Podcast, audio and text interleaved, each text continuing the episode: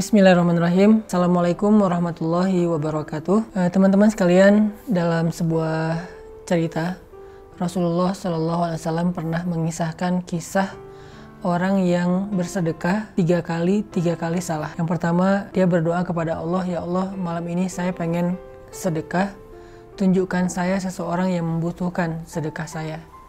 Lalu dia keluar dari rumahnya, pas dia udah keluar dari rumahnya, dia menemukan seorang laki-laki dia katakan ini adalah sedekah untukmu. Dia kasih uh, uangnya, hartanya sedekah untuk laki-laki tersebut.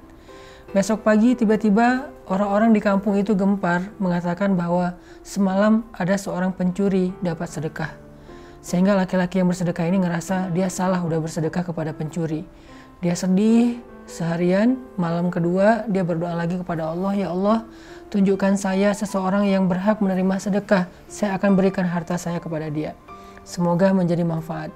Keluar dari rumah, dia melihat seorang perempuan, lalu dia berikan sedekah dan perempuan ini menerima. Besok pagi orang-orang pada heboh dan mengatakan semalam seorang pezina, seorang pelacur mendapatkan sedekah. Dia merasa menyesal lagi dan merasa sedekahnya sia-sia, salah.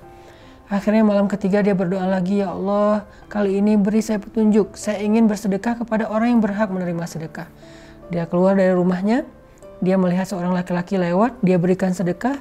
Laki-laki itu diam saja sambil mengambil apa yang diberikan. Besok pagi orang mengatakan semalam ada orang kaya dapat sedekah. Tiga kali dia bersedekah, tiga kali dia merasa gagal, tiga kali dia merasa salah. Kenapa yang pertama dia sedekah kepada pencuri, kedua dia sedekah kepada pezina, ketiga dia sedekah kepada orang kaya. Sehingga akhirnya dia merasa sepertinya Allah tidak mengabulkan keinginannya Malam keempat dia tidur dan dia bermimpi. Dalam mimpinya Allah mengutus kepada laki-laki ini seorang malaikat untuk memberitahu kepada dia tentang sedekahnya. Malaikat ini mengatakan, "Ya fulan, sedekahmu yang pertama Allah terima karena ketika kamu bersedekah kepada pencuri itu telah menghalangi dia dari mencuri karena dia tidak butuh lagi mencuri untuk mendapatkan harta. Sedekahmu yang kedua juga Allah terima karena lewat sedekahmu kamu telah menghalangi seseorang dari berzina karena dia sudah mendapatkan apa yang dia butuhkan sehingga tidak perlu berzina. Sedekahmu yang ketiga juga Allah terima karena dengan sedekahmu kamu telah menyadarkan orang kaya yang kikir sehingga sekarang dia menjadi orang kaya yang dermawan. Inilah keberkahan dari niat yang baik.